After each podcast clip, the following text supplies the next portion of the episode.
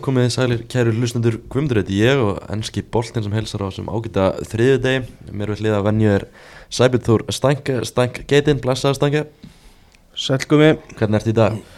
bara fín. Góð- Bara hörku góður. já, já. Helviti, flottur. Og móti, móti okkur er Stefán Pálsson, sagfræðingur Hvernig ert þú í dag, Stefán? Ég er bara uh, ansi góður. Hm. og, og er aldrei spenntur. Þrátt, þrátt, þrátt fyrir tap í gær hjá framurum Já, já, það er uh, 27 leikja móti, kipir maður sér ekki dó mikið upp við, við, við það þegar að maður er með, með svona augað á, á stærri fiskaflá. Nákvæmlega, við erum náttúrulega að fá það ynga í þetta til, þess svona aðalega að ræða Luton Town sem er, sem er þitt lið í ennska boltanum. Bara svona kannski fyrsta spurninga hvernig, hvernig byrjaður að halda með Luton Town? Heyrðu, Það er nú bara fáin í dagar síðan að ég held upp á 40 ára stuðningsmanns afmælið. Það, og það var bara þannig einfallega að, að e, þegar ég er, hvað ég er 8 ára er það ekki einmitt mjög passlegu tími þegar að menn velja sér lið, þá fæ ég fótbolltadellu og hérna gerist bara framari horfi á, á úrslutaleikin í Reykjavíkumótinu fram Viking 1983 og, og, og bara upplifi fótbollta sem æðislegasta hluti heimi og þá náttúrulega vissi ég líka að maður þurfti að halda með liði í ennsku og svona sá það sko það að halda með Liverpool eins og allir var, var klísja, það var ekki í bóði það er að vera eitthvað annað. Var alveg svona skotin í Aston Villa en besti vinur minn hjælt með því og það hefði líka verið eitthvað svona eitthvað yfir við það. Og þarna er loka umferðin í, uh, í gömlu fyrstu deildinni uh, 1983 uh, Luton eru nýliðar og strax þá var alltaf sko talað um það að, að þetta væri nú furðu lítill klúpur uh, þó að þeir hafi nú svona sögulega séð oft verið í efstu deild og, og oft þokkalegir að þetta væri lítið lið, völlurinn væri lítill, litlir peningar en höfðu svona orðspor fyrir að spila skemmtilega bolta. Og fara í lokaumferðin á Main Road uh, Manchester City er sætinu fyrir ofan og með Sigur Mark 5 minúti fyrir leikslokk frá Rati Antic sem átti nú síðar eftir að taka Barcelona og Atletico og Real. Uh, þá heldur Luton sér uppi sendir Manchester City niður og ég er bara húgt þannig að ég var orðin Luton maður þegar að liðið kemur síðan uh, í janúar 1985 og heimsækir Ísland og spilar vikslu leik gerfigrassins í Lögadal leikur á móti Reykjavíkur úrvalinu sem var svona furðulega samansett. Það voru tveir káringar og tveir framarar og tveir valsarar og tveir vikingar og þrýr þróttarar. Til, til margsum það hvernig valda hlutöldi voru á þessum tíma hljóma furðulega í dag. Og, og Luton bara pakkaði mönnum saman vakti nú mest aðtikli að þeir voru þarna leiku bara í stuttbuksum og, og, og í hérna stuttarma bólum í bruna gatti allir Íslendingarnir voru í föðurlandum húfu og trefil. Eh, þarna eru nokkuð góð ár í, í, uh, í efstu deild á nýjönda áratökunum það er frægur uh, sigur á, uh, á Arsenal í, í deildabyggarnum 88 sem er nú svona einn af magnaðri uh, úrslita leikjum uh, á, á Wembley. En svo bara svona fyrir peningalegi veruleikin að- hérna kikka inn. Við missum nömlega af því að, að halda okkur í deildinni, við hefðum verið þá uh, spilað í, í úrvalstildinni þegar að hún fer fyrst fram en föllum vorið 92 missum þar að mjög miklum pening. Uh, og svo byrjar bara jójó mennskan sko niður í fjórðu og, og aftur upp í, í, í championship og, og, og einkennist ofta afar skrautlegum stjórum og eða semst eigendum. Uh, eigendasagan hefur ekki verið, verið burðuleg, burðu og hálgeri glæpamenn sem að, að tóku við félaginu á, á, á, á köplum og svo bara krassar allt uh, svona í byrjun þessar aldar. Við erum komin, komnir upp í hérna vorum komnir í, í championship og, og, og vorum bara öðru þriðja sæti um, um mitt mót 2005 Mike Newell er að, þjálfa liðið þarna og allt í lukkunar velstandi.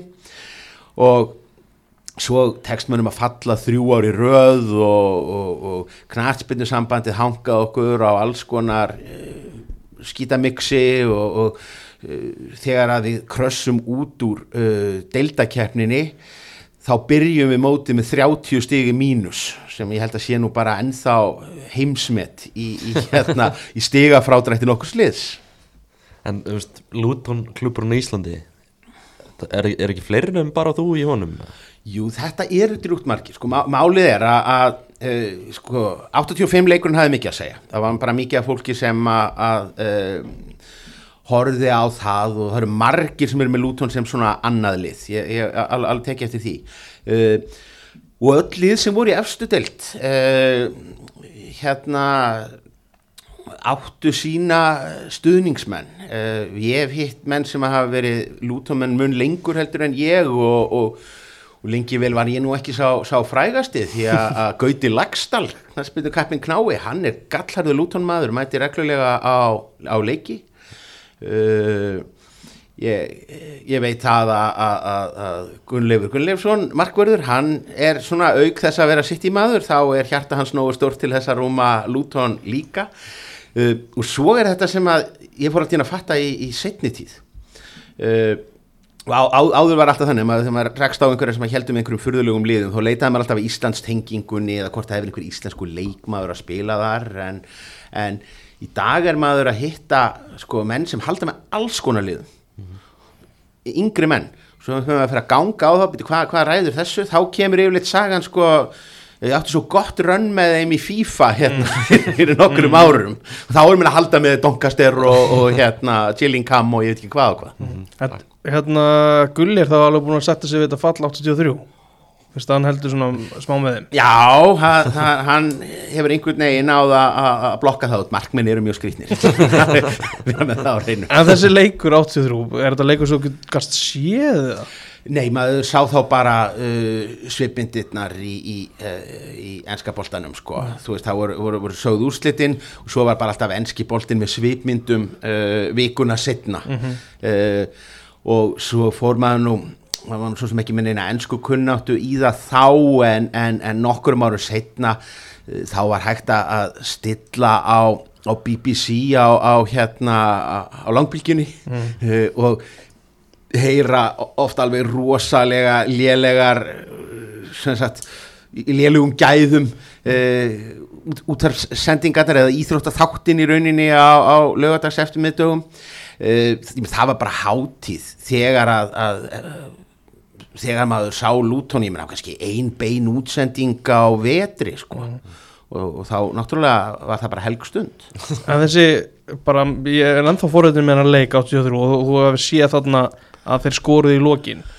Já, ég, ég ákveð sko, það sem gerist er að ég ákveð þetta fyrirfram. Uh, og ég, ég hef alveg viðurkent það að, að sko átt ára gamli Stefán var ekki svo prinsipfastur að það er nú mjög líklegt. Ef að Radi Antic hefði ekki skorað og Luton hefði fallið þá hefði ég bara valið minn eitthvað annað lið.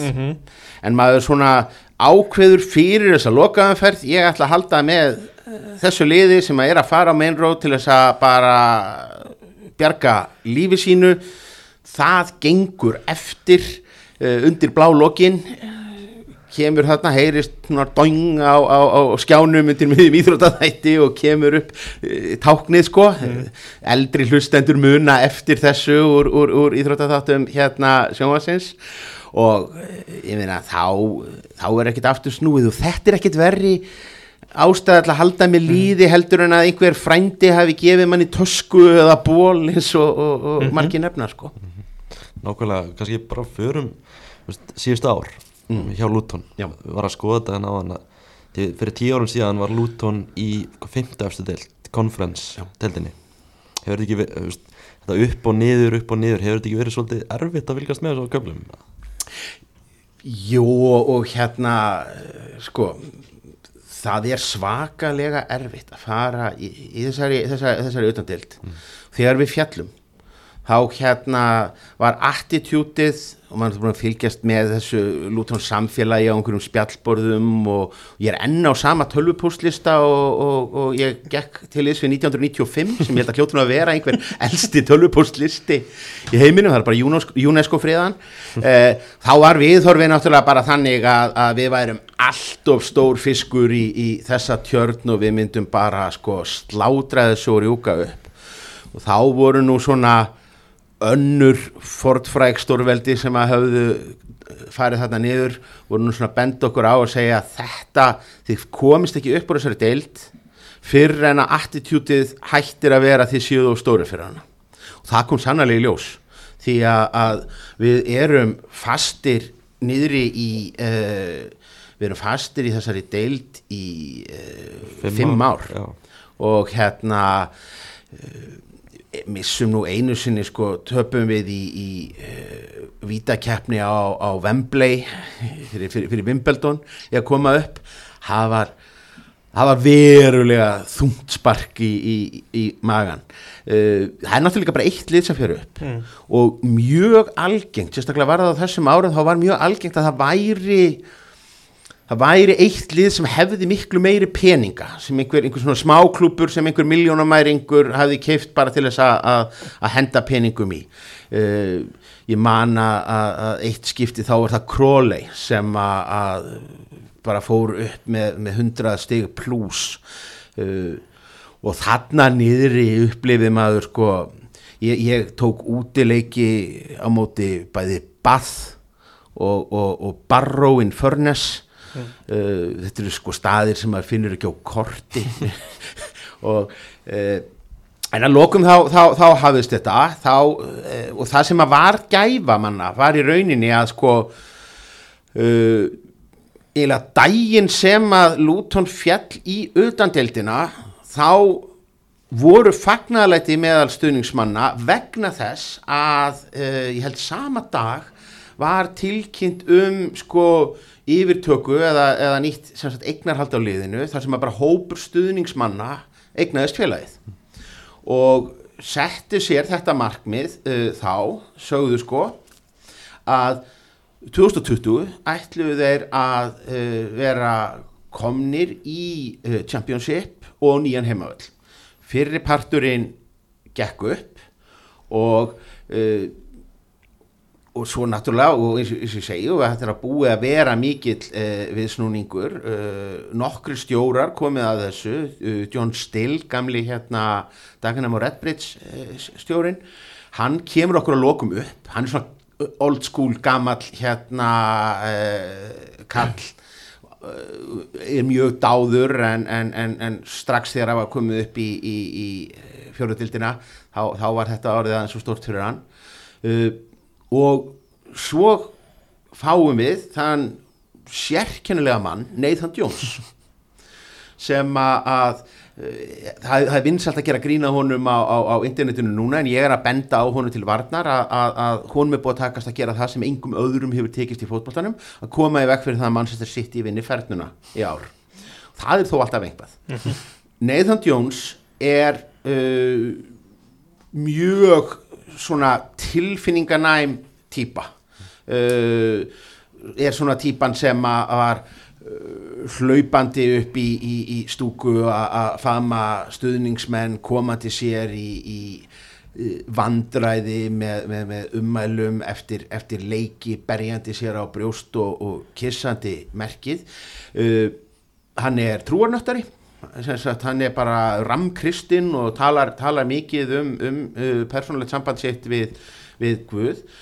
Fer með okkur upp úr uh, líktú og er nálega búinn að koma okkur upp úr líkvon þegar hann er keiftur upp til stók og uh, marg, og, og náttúrulega eins og, og, og margir náttúrulega brúðist mjög illa við þessu að hann, hann hoppaði frá borði með lið sem væri á, á þröskuldinum að fara upp í, í e, næstefstu deild hafandi alltaf verið þeim mitt kissandi merkið og, og það e, mætir svo og, og, og tekur við eh, sko velunagripnum sem stjóri mánaðarins í stóktreyju þegar að svona uh, og það endar allt það endar allt í tárum hjá honum þar. Og hérna sem hefðu nú kannski mátt klingja viðrunarbjöllum hjá öðru hvít rauð, rauðröndóttu uh, liði nokkurum, nokkurum misserum síðar. Þannig að, hann er uh, rekin frá, frá stók og, og telur bara peningana sína heima hjá sér. Luton tekst að klára að fara upp í, í Championship. Gamla góðsögnin Mick Harford sem er svona yfir skáti hjá, hjá liðinu uh, kláraði það. Uh, Luton byrjar þarna sitt fyrsta sísón í Championship. Uh, og þetta er náttúrulega COVID-vetturinn og, og hérna uh, og það er allt í, í, í steik og við erum bara í fallsæti hálft uh, mótið. Uh, neyðumst til að segja upp uh, Greimit Jóns uh, stjóranum. Það er eiginlega við sem segjum eða hann sem að segir upp en ekki, ekki við þegar að COVID hérna höggið gerði það að verkum að, höfðu eiginlega ekki ráð á að, að borga samninginans og þá er það sem að ger gert sem að koma mörgum á óvart að Nathan Jones snýr aftur á miðju tímabili. Og vafðist nú fyrir ansi mörgum stuðningsmönnum að, að hérna e, tak, taka hann aftur í, í sátt. En, en úrslitin töluðu sínu máli. Hann heldur okkur uppi í með sigri bara í loka umferðinni á, á Blackburn. Mátt ekki e, tæpara standa. Og svo byrjar bara viðsnúningurinn undir uh, hans stjórn fer liðið í umspill í fyrra uh, byrjar alveg þokkalega í ár og þá hoppar hann aftur frá borði yfir til Sáþantón, ég held að það verður nú ekki tekið við honum einu sinni en enda þarf hann ekkert að vinna aftur þessir 45 dagar eða hvað hann var sem hann fekk hjá, hjá Sáþantón og starfslokasamningurinn í kjölfarið gera það verkum að hann getur bara verið bara góður með, með, með sínum uh, guði í, í, í friði. Merkilegt nokk, þá er hann hans að það hefur nú verið staðfest, þá er hann líklega næst dýrasti leikmaður sem að Luton hefur selt í sögu sinni. Skadabóta greiðsla frá, frá Southampton. Þannig að hérna ég held að, ég held að Southampton vilji bara mjög gjarnan að við förum upp þannig að þeir þurfi ekkert að horfa framan í okkur á næsta ári. En hvernig líða þér persónulega með Nathan Jones eftir það sem hann gerði með Luton? Eins og ég segi, uh, vissum alltaf að hann væri hérna skrítinskrúfa uh, það var alveg augljóst að, hann var aldrei að fara að valda því að taka við uh, liði undir þessu álægi í, í efstu deild og maður bara virðir hann virðir það við hann að hafa tekið okkur upp um tvær deildir, það er ekki sjálfgefið að það hefði gerst undir, undir öðrum manni. Eftir á að higgja þá var það tóttið vandamál að hann hefur alveg óbúðslegt eko og, og, og eins og menn sáu nú í mjög skraudlegum viðtölum á sáþjóðum ferlinum þá, þá einhvern veginn fór þetta alltaf að snúast um hann sjálfan personulega og hann fór að, að halda sko lofræður um, um sjálfan sig.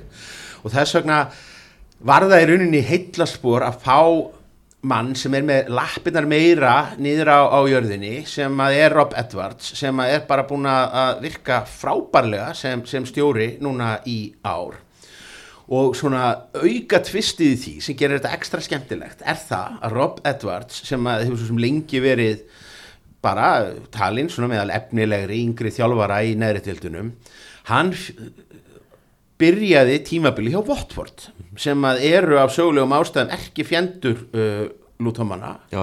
Já, já, og þetta er, þetta er, þetta er ekki alveg rökrið, þetta er ekki algjörlega nákvæmna borgir en það, það voru bara einhverjir svona fjöruði leikir á sjönda áratöknum sem að gera það verkum að þetta urðu, urðu óvinna lið uh, og Votvort er náttúrulega bara sirkus þessa dagana með einhverja ítalska eigendur sem að fara í gegnum fjóra, fimm þjálfara á, á, á, á tímabili. Er alveg sama hvernig það gengur. Og... Já, já, þetta er bara, uh, og eru síðan í einhverjum svona shady uh, samningum, sko, einhverjum uh, fáránlegum leikmannafléttum við, við, við út í Nesse sem er í eigu, eigu sömu aðila. Þannig að þegar, að þegar þetta krassar hjá Watford þá mun þetta krassa illa. Og það að einhvern veginn að, að, að, að Rob Edwards hafi verið rekin frá Watford ráðin á sama tímabili til Luton sem að eigi núna möguleika á að fara upp á meðan Watford er bara í, í rugglinu og, og voru hvergi nærri umspilinu það þykir nú ekki leiðilegt á spjallsíðum sumra. Þetta, þetta tímabil núna þetta, maður horfður bara á hvernig síðustu tímabil hafa verið þá er þetta verið bara mikill uppgangur. Fjóðarsæti í lík 2 öðru sæti, fyrsta sæti.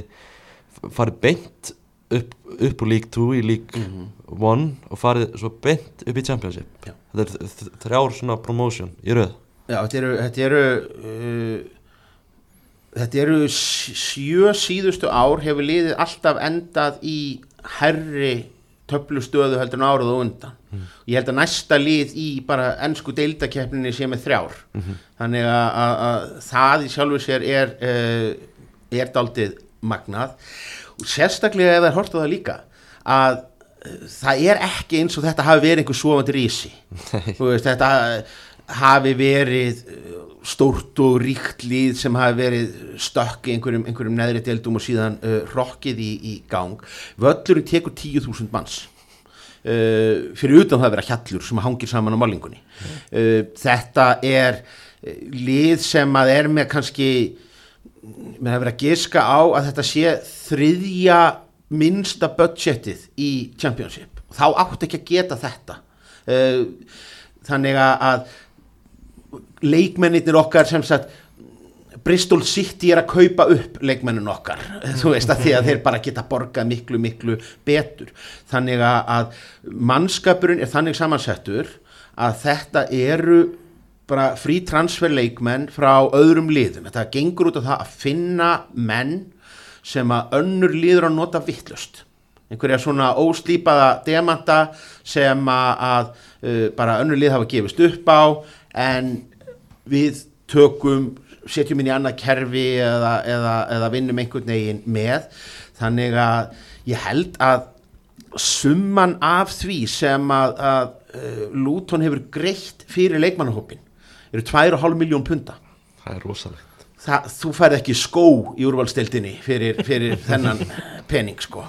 Og, og þannig munir þetta halda áfram. Og þá spyrja mér sér, býtu hvað, hvað ef? Veist, e, hérna uh, ef, ef menn fara upp sko uh, líkillin að þessum árangri núna er að þetta er alveg þetta er, uh, þetta er hápressu bolti. Það er, er, er eh, pressað mjög ofalega á uh, vellinum. Allir leikmenn eru gríðarlega fitt og, og, og hlaupa og, og hlaupi gegnum veggi og eru allir miklu betri sko summan af þessu leikmennum er betri heldur en einstaklingarnir. Að, og við höfum séð það aftur og aftur að, að menn sem að hafa blómstrað í þessu lútonliði fyrst undir, undir Nathan Jones og vantanlega Rob Edwards uh, líka að þeir eru þó keiftir upp af uh, öðrum liðum í vonum að endur skapa það sama en eru þá ekki sko skuggina sjálfum sér Uh, Collins, uh, strækjarinn okkar sem raðaði inn mörgum þegar við byrjuðum í, í Championship hann fór í, í, í Cardiff og kemst ekki á bekkin í dag mm. en, en er eins og er á fínu launum uh, og þetta, þetta er það sem að, menn hafa gert nota það, völlurinn er pingu lítill pingu smeykur við að fara á Wembley í, í, í výðernið uh, og þar sem að, að þú ferðin á, á völl þar sem að sko uh, áhörfundu get ekki beinlinni sko klappað manninum í, í sem er að fara að taka hotspinnuna uh, og ef mér færu nú upp þá gæti þetta farið verulega illa. Sérstaklega því að, að Uh, mér heyrist stemningi vera svo að, að þú veist og nú, það er með að jinxa þetta alveg í strimla með því að vera farin að, að hugsa svona lágt uh, mér heyrist stemningi vera svo að menn munir bara að reyna að freysta þess að keira bara talsvert mikið á þessum hópi. Og mér finnst það að vera allavega algjört líki latriði að einn trukkurinn á, á framálega miðinni hjá okkur Pelli Röttokkan Pansu hann verður að fá leiki á næsta ári vegna að hann er búin að spila með okkur frá því í utandildinni hann gæti náð því að spila fyrir sama lið í fimm deildum sem að verður bara heimsmet sem að verður aldrei uh, hérna uh, bætt eða allavegna, allavegna ennst með og mér heyrist sem sagt að, stjórnendur uh, félagsins tali á þeim nótum að ef við fyrum upp uh, þá sjáum við bara fram á að skítfalla bara hérna tapa bara nánast öllu þetta vinnur alltaf þú dettur alltaf í leik og, og, og, og leik. Og svo ætlum við bara að gráta alla leiði bankan hyrða þessar 200 miljónir punta eða hvaða nú er sem að fylgir þessu og allar fallífa greiðslutnar sem að koma í kjölfarið og staðgreða bara nýja völlin sem að félagið þarf virkilega. Það er árangurinn þessi tímplið er landið í þriðasætti í Champions-delinni og er að fara í úsluleik playoffs. Mm. hver er svona hver er höfuðið á þessum árangur hver er aðal maðurinn sem er að sjá til þess árangurinn er svona?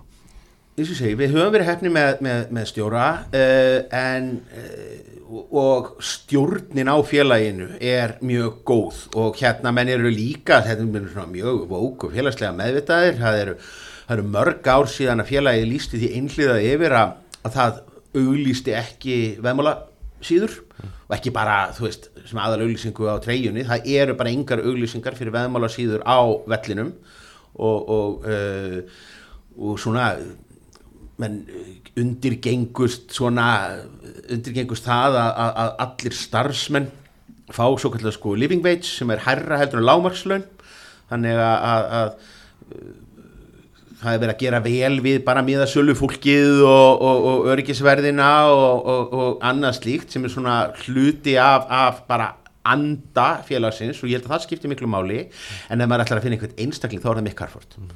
vegna þess að til að svona verkefni gangi upp þá þartu stöðugt að vera að finna menn sem að er hægt að kaupa fyrir lítinn pening úr neðri deildunum og þú þarf að vera klárari heldur en sko skátatinn frá öllum hínum liðunum líka. Við erum með uh, Carlton Morris og, og, og hérna Adebayo sem eru strækjaratnir tveir svona uh, lurkar frammi menn sem að, að allir aðri voru búinir að segja væru svona góðir fyrstudeldarspilarar og eru að síðan bara eftir að þeir koma til uh, Luton ekkert snemma á sínum ferli að þá eru þeir að sko, skora meira en, en nokkur sinni fyrir sko. Bara, þetta er bara breska útgáðan af, af Gumma Mag. Að þú nefnir hérna með ef þið farið upp og fá, fáið þessar upphæðir og, og svo fall, falli að greiðslu eða falli hvernig horfur þetta við þér sem stuðnismann ertu þú, veist, skil, þú skilur þessar nálgun og veist, myndur þú vilja að þetta er gert öðruvísi? Nei, sko það sem ég er einhvern hrættari við er það að myndi ekki gera það mm. sko, málið er nefnilega þetta það, það er rúslega auðvelt að setja í championship og, og, og, og vinna flesta leiki og eiga möguleik á að fama upp og segja síðan já já, auðvitað látum við svo bara snýta okkur hér um, um hverja helgi og hýrðum allan peningin og uh, byggjum völlin það er þess að ekki rosalega gaman þegar hólminn er komið. Mm. og við, sjá, við höfum séð ótrúlega mörg lið sem fara upp og segja við ætlum að gera þetta. Og reyka síðan einhvern sko góðsagnakendan uh, eh, þjálfara sem að hafi komið um upp í efstöldildina bara vegna þess að mann er í fallsæti í november sko. Uh, og ég held eiginlega að það versta sem getur komið fyrir væri það að við myndum fara upp og svo myndum við álpast til að vinna þrjá af fyrstu fimm leikunum og þá færum við að hugsa, heyrðu við hefur séns. Nú er best að kaupa þennan serbneska landslýsmann fyrir fáranlega peninga sko. Ég meina, það sem að myndu alltaf setja aðalfókusna á er nýji völlurinn. Mm. uh, því að sko 10.000 manna völlur sem er byggður árið 1905 og stóri hlutur á honum hafa ekki verið uppgreitaðir uh, þeir ha, hafa allir séð sko uh, internetmíminn sko um að þú lappir í gegnum bakgarðin hjá einhverju pakistansk, pakistanskri fjölskyldu til þess að fara í, í að veistand og, og hérna uh, það er plássið fyrir uh, sætaplásið fyrir, fyrir, fyrir hnén á þessum leik er, er bara gjörsamlega þetta er vinnuvendamál í, í stúkunni á, á, á, á flestum stöðum. Þetta er ekki lífanlegt uh, hins vegar er búið að hanna en ekki fjármagna uh, nýjan völl sem að myndi taka uh, 17.500 mann sem að veri síðan að stækka fyrir eitthvað auðveld upp í 23.000 með þurfa ekkert meira. Og hann er bara við hlýðin á aðal lestastöðinni í miðbæ Luton. Þannig að þegar hann verið komin þá bara, þá verður þetta eins og í Newcastle. Maður bara lappar út af uh, lestastöðinni og þú ert bara komin inn á völlin uh, sem að, að er þið náttúrulega uh, bara algjörlega frábært uh, mun gera mikið fyrir þetta samfélag vegna þess að Luton er borg sem að hefur alveg átt erfiða daga og hérna hafa margir íslendingar farið til Luton bara því að þarna er uh, Luton flugvöllur sem er náttúrulega einn af aðal flugvöllum Lunduna og, og þetta eru höfustöðvar uh, EasyJet uh, Er, er þetta ekki bara flugvallaborg? eða? hún er það orðin í setjum tíð en þetta er náttúrulega er gömul yðnaðaborg þarna voru bílaverksmiður og það er allt saman búið að loka og það er, uh, atvinnuleysið er alveg uh, rosalegt þarna alltaf þegar það eru gefnir út svona listar í Bretlandi svona shittiest towns þá, þá lúta hann alltaf í einhverja toppsætunum. Og menn er ekki eins og móðgæðir yfir því lengur. Menn eiginlega bara svona segja já, já, jú við skiljum alveg hvað þetta kemur. Og hérna uh, þetta, hana, þetta, er, þetta er alveg útrópað sem guðsvolaðu staður. Uh, það er, er mikið atvinnuleysi. Uh, það er mjög svona erfið félagsleg blöndun það er mjög stort svona söður asíst uh, samfélag þarna uh, og síðan eru þannig að, að þetta eru bæði hafa verið svona, svona íslamskir uh, hriðverkamenn og, og, og, og svona radikalistar og svo hafa líka verið svona breskir þjóðurni sinnar svona snóðinkollar og, og, og, og nínasistar og þessir hópar verið að, að slást þarna í, í borginni. Þannig að félagið er rosalega mikill sko saminningar punktur og, það, er aldrei magnað að þegar það sko leit svo út að, að áður heldur en að, að liði var tekið yfir af núverandi eiganda hópi þarna uh, 2009 þá leit út fyrir að liði gæti orðið gjaldróta og þá síndi uh, skoðanakönnun sem var gerði í bænum að 53% íbúa í Lúton voru til í að borga hærra útsvar eða eru til þess að bjarga félaginu.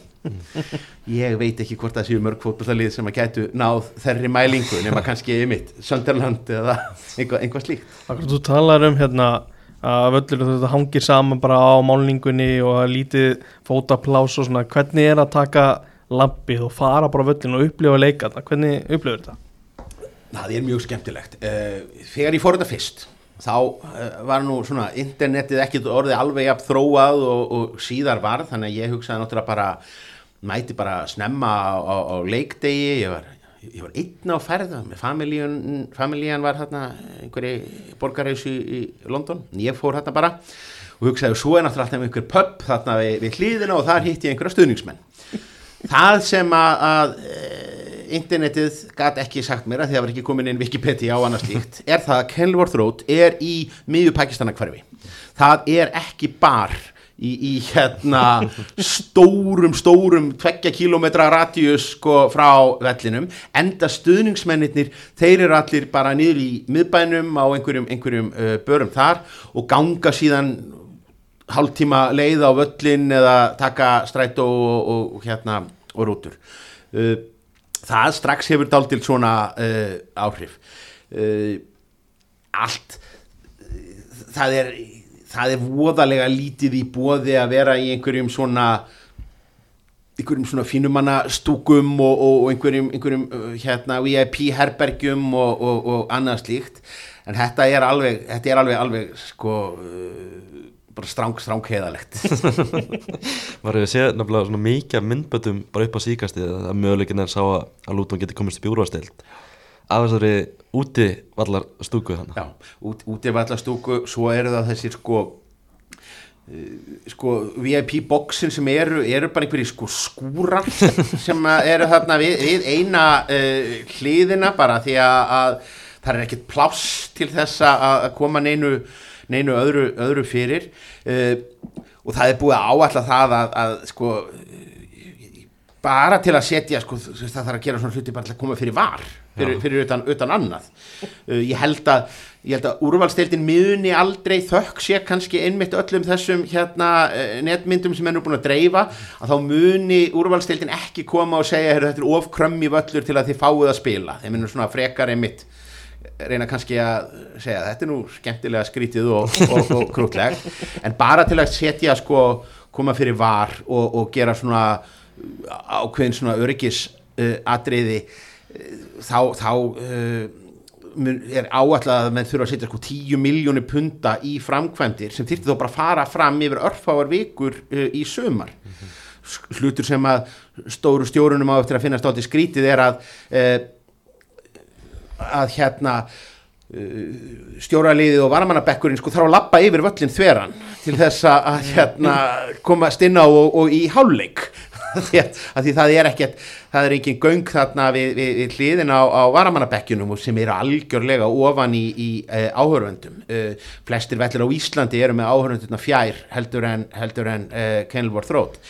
Maður er pínulítið smeykur og aftur, jinxa maður þetta á að fara að, hugsa einum leik of langt fram í tíman en maður er pínulítið smeykur um að jafnvel þó að menn kæmust upp og jafnvel þó að menn fengju að, að leika þarna þá væri ekki gefið sagt, þá, þá, væri það bara valla framkvæmalegt að ná að klára þetta á þessum örstuta tíma sem er í rauninni frá þessum úrslutaleik á lögadaginn og þanga til að fyrsti, fyrsta umferði er í, í, í Premier League á næsta ári. Og þá er spurningi hvaða aðri möguleikar eru. Uh, sko augljósasti kosturinn verður aldrei tekinn. Því það er rísastór nýr og galtómur völlur sem að er steinsnar frá sem er heimavöllur MK Dons sem að eru komnir niður í sko, lík uh, tú en er hatað og fyrirlitið. Uh, þegar að, að það, var, var eilíðar deilumál þegar að, að Luton var í sömu deild og MK Dons meðal stuðningsmanna hvort það væri siðferðislega verjandi að mæta á MK Dons Luton af því að þá væri þú að láta íllfyglin sem að stýrðu því félagi fá peningana sína. Og þá er það ekki bara það að menn séu ennþá svona sárir yfir því hvernig farið var með Wimbledon þegar að því félagi var stólið og flutt yfir til uh, Milton Keynes. Heldur er þetta lengri saga vegna þess að áður heldur en að, uh, að eigendur MK Dons stálu Wimbledon að þá gerðu þeir tilraun til að gera það sama við Luton. Þannig að það er ekki bóði uh, ef að svo færi að, að við kæmumst upp gætum ekki spila á Kenilworth Road og þyrftum að fara eitthvað annað þá er líklega með myndi líta aðeins söður á bógin og þá sæi, ég sæi sko, það það veri tómt ruggla að fara á einhvern rísaleikvang að hríslast þarna inn í, í- á, á tóttina vellinu með eitthvað slíkt. En Loftus Road gæti bara verið mjög flottur kostur í, í, í, í úrvarstild en skemmtilegast væri náttúrulega að, leika þarna heima við og, og, og vita af, af uh, Holland í, hérna í, búningsklefum sem að minna helst á, á, á hérna Íþróttahús Melaskóla. Mjög gott, en þessi nýju völlur Já.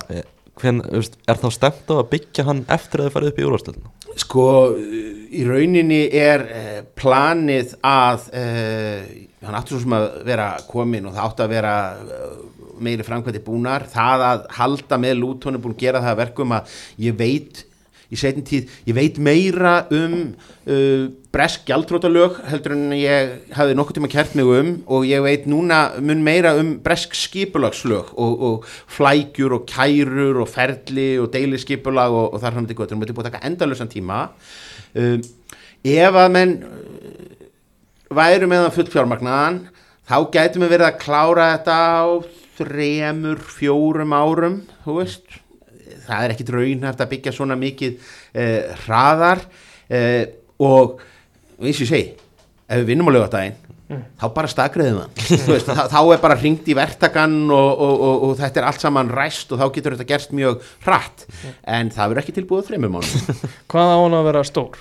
eins og ég segi, hann, hann, hann, hann mun taka uh, tæplega 20.000 manns. Ok, já. og það er bara það er bara fínt vegna þess að ég hef líka, maður hefur, hefur uh, séð ímsafelli sem hafa verið reistir í neðri deildunum þar sem, sem eru byggðir út frá Field of Dreams prinsipinu sko, bara build it and they will come. Það virkar ekki alltaf þannig. Það að vera á svona rísastórum uh, völlum sem að alltaf eru tómir fyrsti útileikurinn minn uh, með, með uh, Luton uh, það var árið sem við fórum nýður uh, úr, úr deildakefninni það var Darlington Luton. Ég, ég komið til Darlington, það er, er skautlu völlur. Sko þar ákvað einhver að einhver sem tók við Darlington í fjóruðdeldinni hugsaði ég ætla að breyta þessu í úrvalsdeildarklúb og þá þarf ég fyrst völl sem getur það. Og það var reist einhvað sko skronster 25.000 manna völlur eða einhvað slíkt fyrir líð sem var með 5.000 áhorvendur á leik. Og merkilegt nokk þá fjölgaði þeim áhörundum ekki neitt. Það að völlurinn kæmi. Og, og ég held að, að, að, að meti þeir fóru næst í að fylla hann á Elton John tónleikum. Sem voru, voru haldin, haldin einhver tíma. Og síðan var liðið bara gjaldfrota og ég held ég búið að breyta þessu í stúdendakarða og, og hérna uh, uh, elliheimili Ég held að Darlington sem er í sjöndu, Já. áttundu afstöld í dag og er á pínu litlum og eru komnir aftur á gamla, gamla völlin og þú veist að það eru nokkur svona uh, dæmi. Ég man eftir því þegar að þegar að Plymouth uh, ákvað það að, þeir væru næsta stórveldi og, og þegar að, að breytatinn ætliðu sér að fá HM 2018 þá ætlaði Plymouth að byggja 45.000 manna völl MK Dons er náttúrulega alveg dæmi um þetta líka að, að Það er hvað, 40 manna völlur það er, er rísa stór völlur og hann er alltaf tómur og það er algjörlega glatað. Uh, að, við, er, ég að byggja völl sem er uh, alla vegna sko lámark 70% uh, fullur, það bara breytir öllu upp á stemninguna og, og, og, og upplifununa Þessi, þessi völlur sem við erum með í dag, þú veist, tíu manna völlur hversu erfitt er að fá miða í dag fyrir þig og hversu erfitt verða á næsta tímabili eða þau komist upp? það verður alveg rosalega erfitt við erum að, að, tala um það að, að, að þetta er hérna tíðusmanna völlur og hérna sko oppin af heimaleikja miðunum eru bara ársmiðahafar það, það eru það voru komni, tvö, það, það, það voru komni 2000 manns á byðlistan eftir að gerast ársmiðahafar. Þeir eru bara hættu að skrá sáum fram á það, þeir næðu ekkert að, mjalla því uh, meira niður. Uh, en það er þannig þannig að sko til þessa hefur þetta verið þannig eftir að við fórum upp í, í, í Championship að ég þarf alltaf að senda svona, svona betli postin á, á hérna á miðaskrifstofuna að ég sé nú hérna bara long suffering hérna stuðningsmæðu frá, frá Íslandi og sé nú að koma hérna yfir með tólf vinni mína og þeir retta mér nú alltaf, alltaf miðum. En það þarf að gerast með góðum fyrirvara. Eh, ef förum upp það tekir bara út í leikina. Og það er í rauninni ekki verra vegna þess að þetta er líka rosalega skemmtilegt uh, útivallalið sko. Því það, þá eru náttúrulega stuðningsmenni til búin að vera að drekka frá því um morguninn og eru háarir og búin að æfa saman uh, söngvana. Og þannig að, að eins og ég nú líti hrifin af úrvalstildar völlum að, að þá er ég til í að brjóta otta á ólæti mínu og, og tjekka á nokkrum þeirra verandi þá í, í emitt uh, útvallastúkunni En hva, hversu erfitt bara er að fá ásmiða? Það er bara það er bara la- langur byðlisti sko. Og hérna en, en á móti kemur náttúrulega líka að, að það líka bara borga sér í rauninni eins og staðin í dag þá, þá, þá, þá, ef, maður kæmist í það að verða ársmiðahafi þá borgar það sér í rauninni vegna þess að, að þó að maður, maður hérna eh, kæmist á fæsta leiki að, að, að þá, þá væri, væri ekkert mál að koma þeim miðum í verð sko. eftir spurning svo mikil. Eftir spurning er það, það mikil sko. Það er svo auðvelt að komast til Luton líka. Það er náttúrulega afskaplega þægilegt og, og, og, og einfalt. Þess vegna er appelsínugulu liturinn og það er, það, hérna það er reyndar, sko, þetta er nú tilviljun að, að það sé uh, að appelsinu gulu liturinn sé einkennist hérna EasyJet sem er náttúrulega langsamlega stærsti vinnuveitandinn og, og ber í rauninu uppi þennan, þennan risastóra flugvöll. Uh, sko eldri hlustendur, þeir munu náttúrulega eftir því að sko Luton á gullöldinni á, á nýjönda áratugnum var alltaf í hvítum búningum bara hvítar treyjur og, og, og svartar uh, buksur en svo voru höfðu verið einhver ár þar sem að menn voru uh, appelsínugulir uh, sennilega innblásnir á hollenska landsliðinu á, á áttunda áratugnum og það hafði alltaf verið einhver svona smá appelsínugult í uh, búningnum og, og, og, og, varatregjur og uh, eitt af fyrsta sem að, að nýja eigandahópurinn gerði var það að það var farið í kostningu meðal stunningsmanna eigum að vera hvítir eða eigum að vera appelsínugulir og það voru einhverjar þúsundir sem að tóku þátt í kjörinu og ég held ég munið það rétt að appelsínugulliturinn hafi unni með þremur atkvæðum. Já, þannig að við vorum bara sko augna bliki frá því að vera bara í hvítum og svörtum. Áhverst er Ísett þetta að sponsa félagi? EasyJet hefur stutt þetta með ýmsum hætti og hafa verið, uh, þeir eru ekki á treyjunum núna, þetta er nú svona, uh, þetta er nú svona uh, mjög old school að skoða hérna auglýsingarnar og, og, og spjöldin á, á hérna uh, á Kenilworth Road sko, þar, þar, þar sér maður bara einhverja svona einhverja verktaka fyrirtækja svona pallalegur, svona scaffolding og, og annað, annað slíkt sko eins og maður vill á þessum, þessum hérna lit, litlu stöðum. Uh, kannski fáum við eitthvað pínlítið starra og, og, og frægara vona við endum samt ekki eins og Nottingham Forest að verða svo gráðir að, að, að treyjurnar verði auðar á næsta ári Gummi, og fara í umspilið, erum við með eitthvað meira? bara fara í umspilið, úslita leikin Já, bara byrjum kannski bara á, er þetta ekki, var þetta ekki einvi á mútið Söndiland?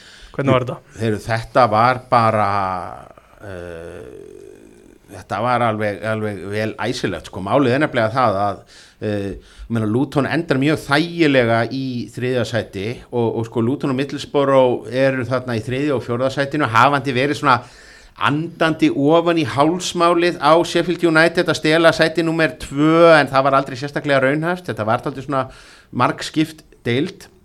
Uh, hins vegar sko skrýða Sönderland og Coventry inn í umspilið alveg í blá lokin Sönderland hafði aldrei verið í playoffs sæti fyrir en bara sko loka mínúturnar þegar að- Millwall klúðrar þessu uh, gjörsamlega. Uh, Blackburn sem að, margi heldur að færi bara automatist upp uh, gerir það, það líka. Uh, þannig að, Sönderland kemur inn sem svona lið í uppsæflu við byrjum úti. Uh, dóminerum uh, fyrstu mínúturnar og, og, og skorum uh, mark svo jafnar Sönderland eiginlega upp úr engu eftir svona hálftíma og svo taka þeir bara algjörlega yfir leikin og við máttum bara við máttum bara prísa okkur sæla að sleppa með, með einsmarks uh, tap og það að það var ekkert var þannig að það var svona alveg tvær glæsilegar uh, hendir hérna sem að hefði einni deild ofar uh, gefið gefi vítaspinnu uh, þannig að það var alveg ljóst að- menn þyrtu að sækja sigur, tvekja, marka sigur uh, heima en það var bara það var bara uh, Kenilworth Road undir ljósunum á, á, á þriðudagskvöldi og þar töpum við ekki sko. og hérna við vorum bara uh, vorum stærri, vorum sterkari Söndiland var mikið að meðslum og voru bara með lágvaksna þetta, þetta, er einhvert lægsta uh, miðvarðapar sem að, að ég hef uh, séð og hérna það var mikið grátið á Sönderland spjallborðunum sámaður eftir leikin yfir því hvað þetta hefði nú verið ódrengilegt hjá okkur að negla bara inni og taka bara háa bolta og bombardera það á endalust en hvað átt að gera annað þegar það er bara búið upp á stuppa hertild á, á, á, á mótið þér? Hún er bara stærri, sterkari lömdum þá, unnum þá 2-0 og svo fekk maður daginn eftir það er ánægilegu fréttir 7-9-13 að uh, Coventry uh, vann Middlesborough allir veðbankar fyrir uh, umspilið settu Middlesborough í að vera líklegast að liða upp. Enda sko Middlesborough ástæðan fyrir að þeir fóru ekki automatist upp var það að þeir byrjuðu afleitlega. Þeir, þeir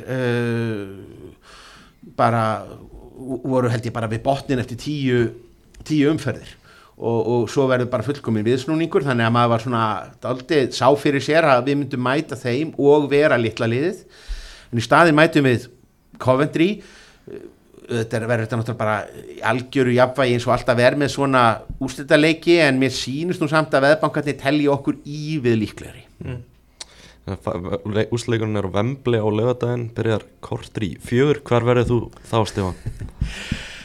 ég, var- já, var bara ekki hægt annað sko. Ég, ég þurft að ég bara var að, var, að, var að finna mér leið sko. Ég hérna uh, ætlaði að nota það sem afsökun að það væri bara ekki hægt að fá miða og, og, og það hefði ekki verið hægt eftir þessum venjulegu leiðum því að, að uh, Luton fjekk einhverja 37.000 miða. Ég held að liðin hafi fengið það hvort um sig sko. Og það uh, byrjaði á því sko að ársmiðahöfunum var, ársmiðahöfunum var fyrst bóðið og þeir máttu sko kaupa sex miða hverjum sig og það át upp oppan af, af, af miðunum. Næsti hópur voru þeir sem gáttu sko framvísað eh, að þeir hefðu farið á ég veit ekki hvað voru, fimm leiki á, á, á árinu eða einhvað slíkt og það kláraði bara restina á 0-1 þannig að það fór ekkert í almenna sölu. Mikill svarta markaður með það og maður vildi ekki vera að taka þátt í einhverju þannig byggsi en það eru náttúrulega fleiri sæti á, á vellinum. Og ef maður ef maður ætlaði ekkert að nota þennan eftirlunarsjóð í neitt hvortið er þá er hægt að komast í fínumanna stúkuna.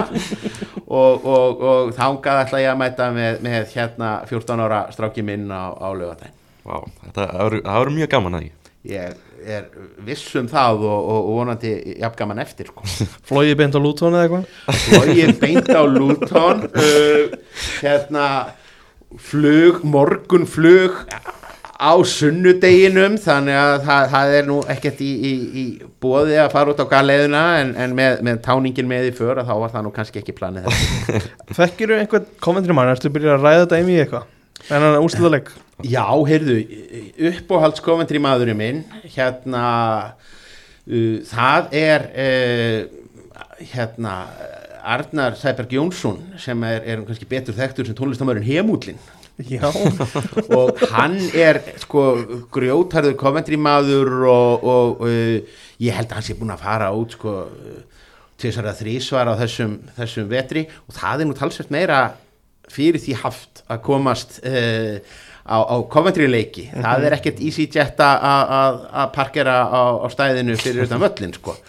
Uh, þannig að, undir, sko, undir eðlugum kringumstæðum ef, ef, ef, Coventry hefði verið þessum úrslutaleika við hefðum til dæmis tapað fyrir Sönderland þá hefði ég verið bara á, á Ölveri með, með uh, mínu manni Hemúlnum og, og, og stutt uh, Coventry. Því að það er náttúrulega aldrei það er pingu fyndið að sko ef að Luton væri ekki þarna sem eitthvað svona öskupu sko ævintýri á styrum þá væri allir að tala um Coventry.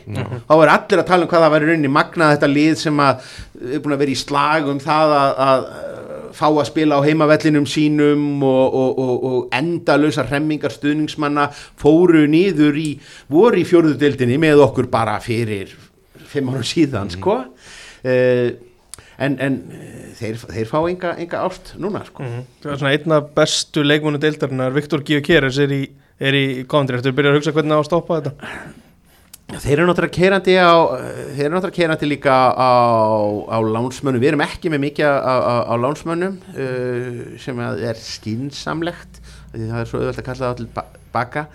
Uh, við höfum farið bara 7-9-13 þá höfum við sloppið mjög mikið við meðsl mm. uh, það er meðslalistin er uh, nánast uh, tómur uh, vörnin hefur verið þjætt og sko hetja allra er í rauninni hérna svona, sá sem að verður alltaf valinn leikmaður ársins af stuðningsmönnum er sko Tom Lockyer sem að er bara sko grjótarður uh, miðvörður það fær ekkert margir fram hjá honum. Þannig ég liði ásins í Championship tilni já og bara uh, er al algjör líkil, líkil maður uh, í þessu. Við erum með lið sem að, að við keirum mjög mikið á bakvörðum. Það er bara þetta, þetta leik skipula kallar á það að það séu öskufljótir og, og, og marksæknir bakverðir og, og það mun skipta máli. En, en eins og ég segi, það sem að verður líka tóltið fórhættilegt er að sjá hvernig mun yfirfæslan yfir svona stóran völl. Það er alltaf einhverjir sem eru pínulítið smekir og, og sennilega hefði það verið enn erfiðara ef við hefðum verið að mæta mittilsporu í úrslutaleiknum að fara yfir á, á stóra völlin því að, að, að svona minna og þrengra hendar okkur betur. Mm. en það er líka eins og með Borro þeir þekkja það líka kannski það er stýttur síðan þeir voru á sem stærstu völlu og saga og saga Luton í umspilum er ekkert góð sko. við, við höfum, liði hefur uh, tólsinum farið uh, upp um, um deild í, í, í sögu sinni uh, sexinum farið í umspilin aldrei komist upp úr því sko. þannig að, að það, það þarf alveg að kveða niður drauga gerist ekki eitthvað til mann allt í fyrsta sinni nákvæmlega. En þú veist bara þarna, ef þú nefndir Tom Lockyer er eitthvað fleiri leikmenn sem veist heldur að sé tilbúin að taka stökki upp í ennskuðurstæluna og standa sér vel þar? Sko ein- eins og ég segi inn í þessu for, formati ég held að, að það sem að setja aldrei sko uh, það sem er líkilatriði sem ég sagði áðan uh, þetta er lið sem að er sterkara heldur en summan af mönnunum. Uh, það er engin af þessum ef við fyrir ekki upp þá verða alveg fullt af, af liðum sem að munu reyna að ræna af okkur mönnum en ekkert að því verða úrvalstildalið það verða bara önnu lið í championship sem að munu kaupa þessa menn upp með uh, bara herri launatjekkum. Uh, við höfum nýverið skiluðum við einum upp úr uh, hérna uh, upp úr unglingastarfinu úr, úr Akademínu, það er James Justin Já, uh, já. sem er náttúrulega mjög góður og var nú eiginlega bara farin að banka upp á í, í ennska landsliðinu áður höfður hann letti í, í meðslum þar fyrir utan þá hefur maður voðalega lítlar áhyggjur af því að, að úrvalstildin sé að hnupla á okkur mönnum. Uh, að því sögðu til dæmis uh, einna fáum uh, lánsmönnum sem erum búin að vera að nota. Það er uh, einmitt hérna uh, Koti Drameth hérna Lítsari sem að er í, í öðrum bakverðinum. Hann er búin að vera algjörlega frábær uh, og svo er við höldum honum ekkert. Sko, hann, hann fer þá til Líts aftur eða, eða verður, verður seldur einhvað og, og eins er það með hérna Aston Villa maðurinn hérna Marvelous Já, Marvelous Nakamba það er alvöru nafn sko. Við erum með hann já. Við, hann er þarna núna og byrjaði ekki vel en síðan er hann bara að vera að spila sig uh, vel inn í þetta. Uh, þriðji, þriðji og síðasti lánsmaðurinn það er uh, markmaðurinn í þann uh, horfað sem að er sko og það sýnir náttúrulega hvað þetta er einhvern veginn allt bjagað að hann er lánsmaður frá Nottingham Forest. Þannig að Nottingham Forest er að lána okkur uh, markmenn, það er ekkert sem bendi til að Nottingham Forest muni vilja fá hann tilbaka. En hann er samt þriðji markmaður bandarinska landslýsins við sýnir okkur einu hvað störlunin í úrvalsteildinni er mikil. Síðan þegar þú ert komin aðeins út fyrir hóp þá eru þetta bara sko uh, börn og, og, og, og, táningar. Þannig að, að uh, færum upp í, í, í úrvalstildina þá er breytin er alveg ótrúlega, ótrúlega lítil.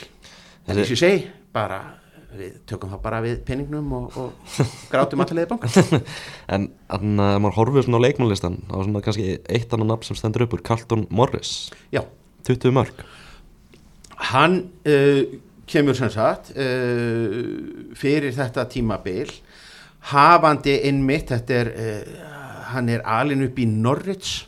Já, og hérna Norwich Batt, hann, hann er svona dæmigerður fyrir skátingið hjá uh, Luton, þetta er, þetta er maður sem að, að uh, Norwich var lengi með á sínum bókum, bundu mikla vonu við, voru alltaf að lána hann út um allar trissur, þannig að hann er með, með svona langan lánsferil, neðri deildum skorar aldrei neitt mikið að- að að- að ráði. Það mesta sem hann hafði skorað fyrir þetta tímil var hvað skosku úrvastelinni, 8 mörg Já, og, og, og, og svo endar þetta bara á Norreits missir, missir uh, þólimæðina og, láta hann uh, fara og, þá eiginlega bara mjög fljótlega í kjölfarið þá pikkum við hann upp, þá bara sjáum við þegar þetta er bara maður sem að, að er verið að nota vittlust það er einhvern veginn hægt að að ná þessu uh, meira útrónum og, og hann blómstrar.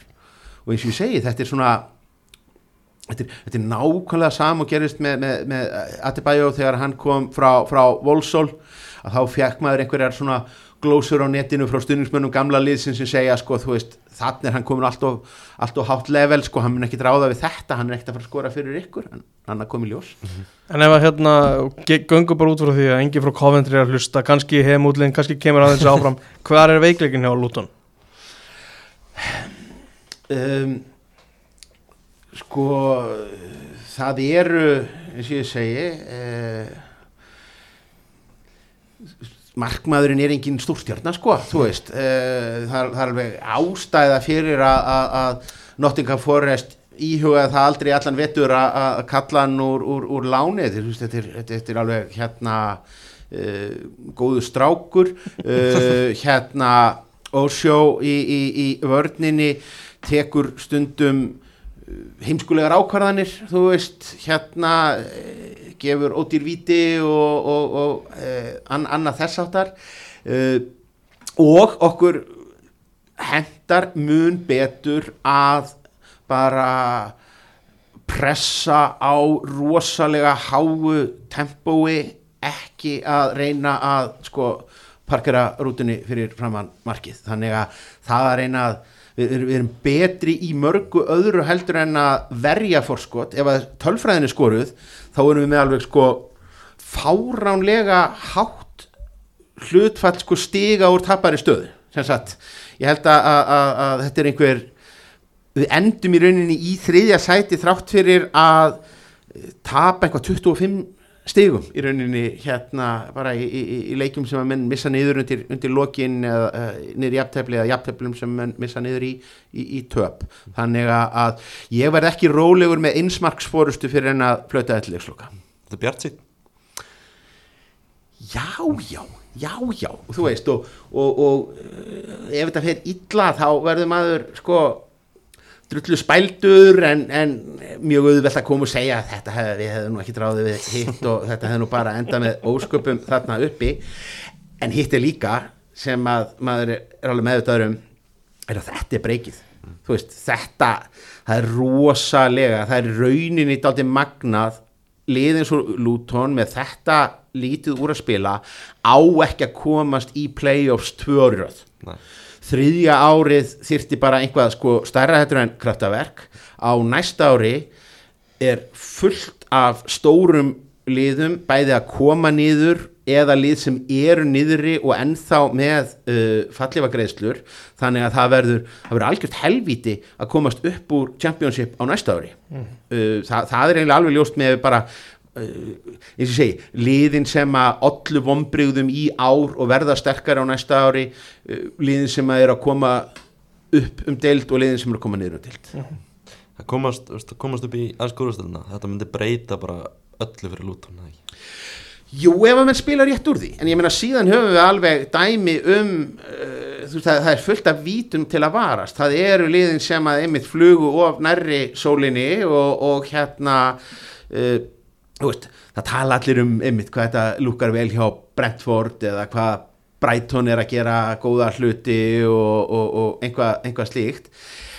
Það talar enginn um Blackpool. Blackpool fór upp og, og, krassaði og var farið nýr í sko fjóruðdeldina og eru rétt að jafna sig aftur talar enginn um svindon uh, þú veist, þannig að það eru alveg sorgarsögur líka þó að, að, að við höfum líka dæmi sem að er í, í hinn áttina. Og svo er áttur eitt sem gerist er að þegar þú hefur farið upp einu sinni þó þú jafnvel bara slýsist og, og farið niður þá ertu komin á bragðið og þá viltu náttúrulega endur taka leikin og þá ferðu að henda peningum í þetta og Championship er náttúrulega svo deild í heiminum þar sem að er auðveldast að brenna upp rosalegum peningum án þess að neitt sé í hendi varðandi árangur. Og uh, þetta er náttúrulega þetta er, þetta er algjörlega galið hvað sko veldan á þessum líðum þarna bara launa hlut af, af, af, af, veldu er bara á einhverju allt öðru leveli heldur en allstaðar annar staðar í heiminum. Algjörlega, eitthvað meira um lúton Nei, ég ætla bara þetta er svo á mér, maður tengi svona, maður sé svo oft einmitt lið reyna að komast upp í úrstildinu og það er bara þú getur einmitt kveikt bara í peningunum. En eitthvað fara var ekki eitthvað, eitthvað rosalegt þarna comeback í sétildinni Jú, ekki að nefna það eins Já, Það var náttúrulega Sheffield, Sheffield Wednesday. Tókst, tókst eitthvað eftir þeimleik, Stefán? Já, heyrðu, það var sko það var náttúrulega nóg af leikjum í, í bóði þetta, þetta kvöld og, og hérna það voru hérna Európu leikir og svo voru svona einhverjar að horfa á einhverjar undirmóls inn í íþróttir hérna. En ég, ég valdi rétt. Ég var með hérna Lullandi í hotninu á tölvu skjánum eh, hérna Wednesday Peterborough sem var náttúrulega sko eh, var nú leit nú þannig út sko því að Sheffield Wednesday var náttúrulega bara í örugusæti upp nánast allt mótið.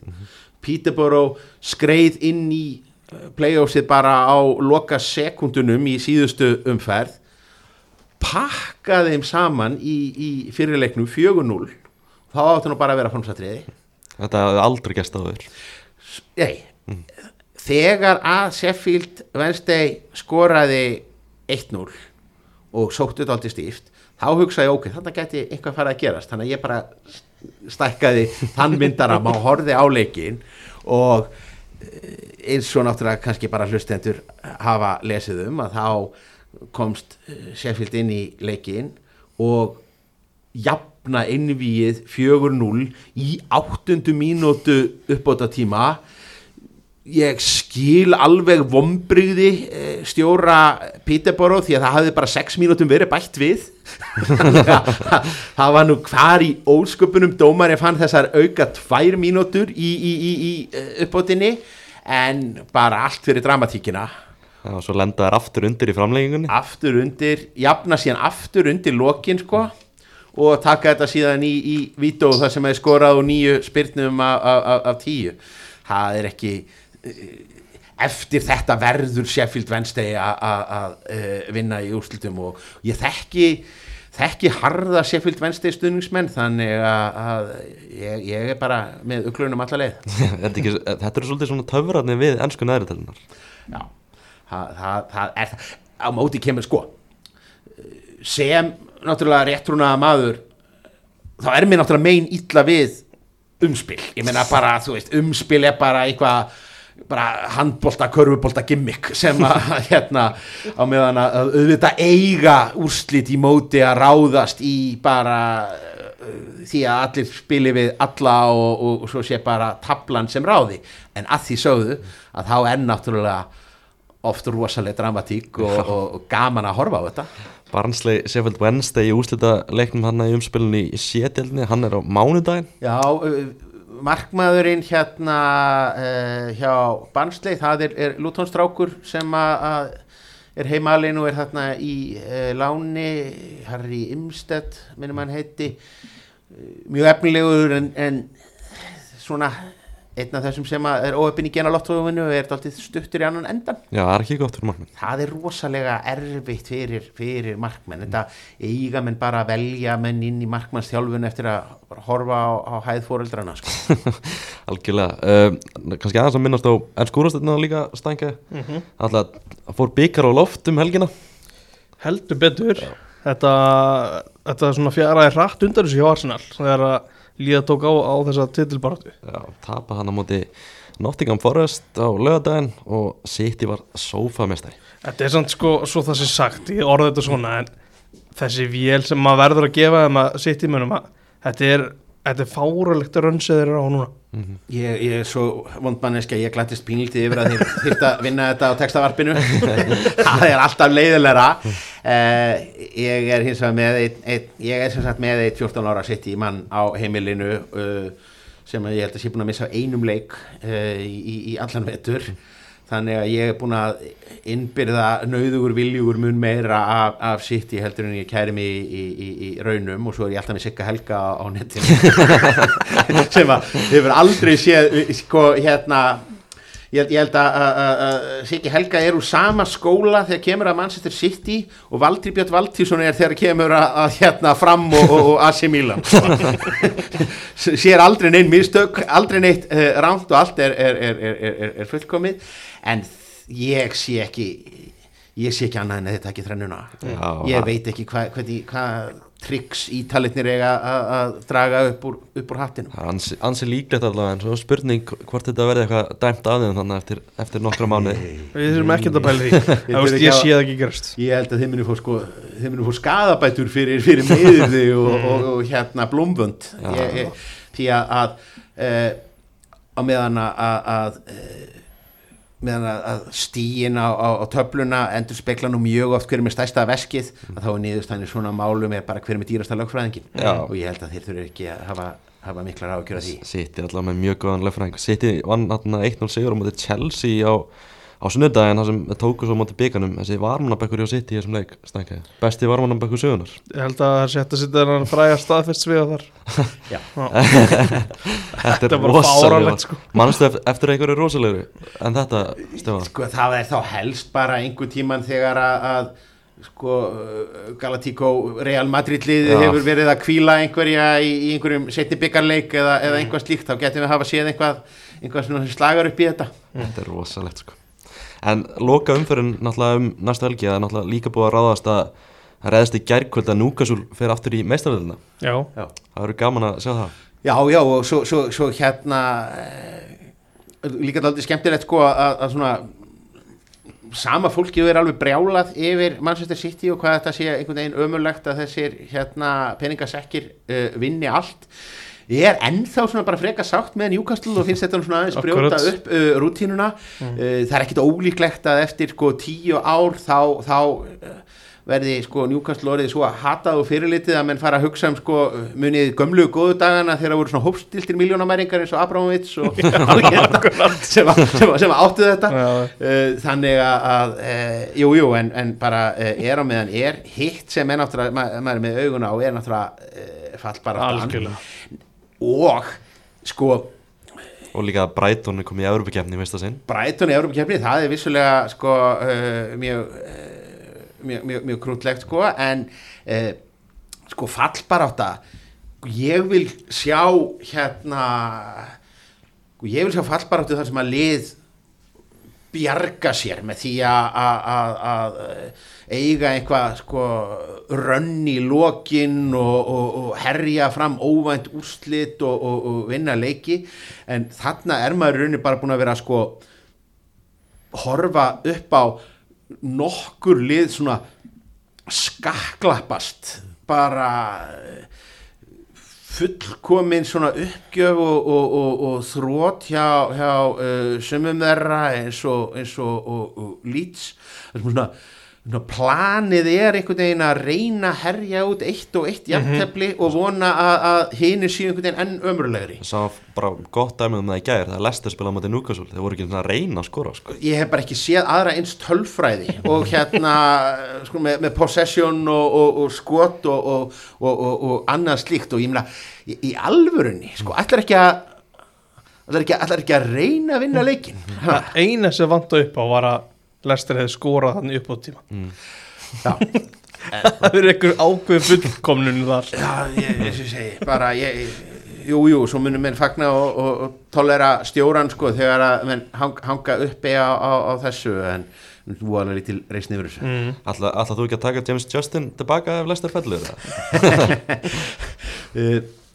Við erum, við erum ægilega, við erum ennþá dálítið sári yfir að hann hafi ekki náði í, í, í, landsliðið og, og, og mann þykir, þykir uh, væntum hann. Við höfum, við höfum sko akademíu og, og eru svona stoltir af þeim strákum sem að hafa farið upp í, í, gegnum það. Uh, en það verður vissulega, sko mér fannst nógu skrítið þegar við fórum upp í Championship og vorum komin á þann stað að við vorum að slást við sko Celtic um, um, um, um leikmenn það var nú ekki alveg það sem að, að, að maður átti að, venjast í, í utantildinni uh, en það, aftur sko hérna að það sé allt í orðið eitthvað issue og það sé landsleikja hlýja það sé bara einhverjir, einhverjir lútonmenn að spila hér fyrir einhver hín og þessi, þessi, þessi landslið. Þetta er, þetta, þetta, þetta er mjög óraumverulegt og, og er þá enn skrýtnara þarna, þarna uppi. Kannski fáum við einhvern Íslending. Það hefur engin Íslendingur uh, spilað með lúton nokkrir farið á, á uh, trial en, en, en ekkert komið, komið út úr því. Hver er þá líklegastur? ég veit, sko hver myndi vera típan í svona sko, svona ha? Svona hark? Já og ég sko, það, við munum náttúrulega mjög snarlega þurfa menn munu þurfa að læra að parkera rútunni ef maður fara upp. Mm. ég veit ekki. Hann er reyndar í börnleika eins og ég er hugsun um. já, ég líka. Já, kannski svo, svo, svo er alltaf sko, uh, nokkon áhrifin sko. það getur kannski, kannski bregst börnleik við því að fara upp með því að kaupa, kaupa snýtlið og, og, og losa sig við, við, við hinna hver mm. veit. Uh, hérna, aðeins með hrunlestir 7 ár sín eru mistrar byggamistrar eru 2 mér árum þrýsessunum farið í Evrópakeppni á þessum 7 árum. Voru náttúrulega samt sko næ, næ, næst því að ná þessu hrunni strax sko tímabilið eftir Já. sem var náttúrulega alveg, alveg mjög eh, uh, fríkað hérna eh, uh, síðan það rann er í rekin og... Já, mm. það, og, og, og einhvern veginn uh, þetta, þetta var náttúrulega algjört, algjört frík ár yfir, yfir, yfir höfuð um jú, jú, er, er svo, svo, svo, svo, fyndið að maður skilgrinir alltaf fótbolta svo rosalega mikið út frá því uh, hvernig hann var þegar maður var svo tíu ára. Já, finnst manni að, að liðin sem voru góð þegar maður var tíu ára þau eigi bara að vera góð í dag og þau sem að voru ekki góð þegar að maður er, er, er tíu ára þau séu einhvern veginn einhverja einhverja bóðflennur Mm. og hérna lestir þegar ég var tíu ára það var bara lið í næstafstu deild Já. og, og, og, og svona þannig að ég er ekki að tissa. Ég, ég, ég, ég, er miklu frekar undrandi yfir að Queenspark Rangers sé alltaf í, í, í efstu deild. Það, það, það er það sem manni finnst eitthvað bilað. Mm. og Brentford sko. Og Brighton. Já. Þeir voru ekki já, Brighton átti, átti nokkur ár þarna. Já, ég, Brighton uh, fer í uh, fellur einmitt uh, 83 þegar ég byrja og, og maður horfði á Brighton grátlega nála til að verða byggarmistari 1983 á móti Manchester United. Í frægu tvö, frægum 2-2 jafnteflisleik með, með, með hérna einhverja alverstu brennslu og döðafæri í uppbóta tíma í framleikingu og svo var bara nýrleikur og 4-0 og, og, og sá aldrei til sóla Alltaf Master United mætir Chelsea á fimmdagen og mun líklega tryggja sér að setja í meistaröldinni þar, það ekki? Jú, jú, með að við hvernig Chelsea hefur verið að spila á undanverðinu þá er alla líkur á því.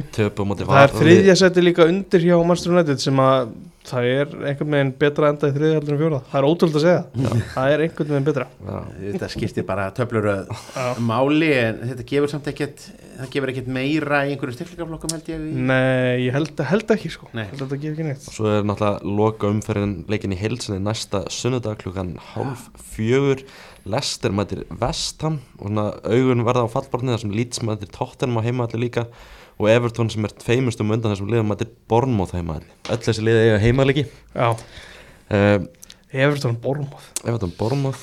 Draumur hins sluttlösa ára.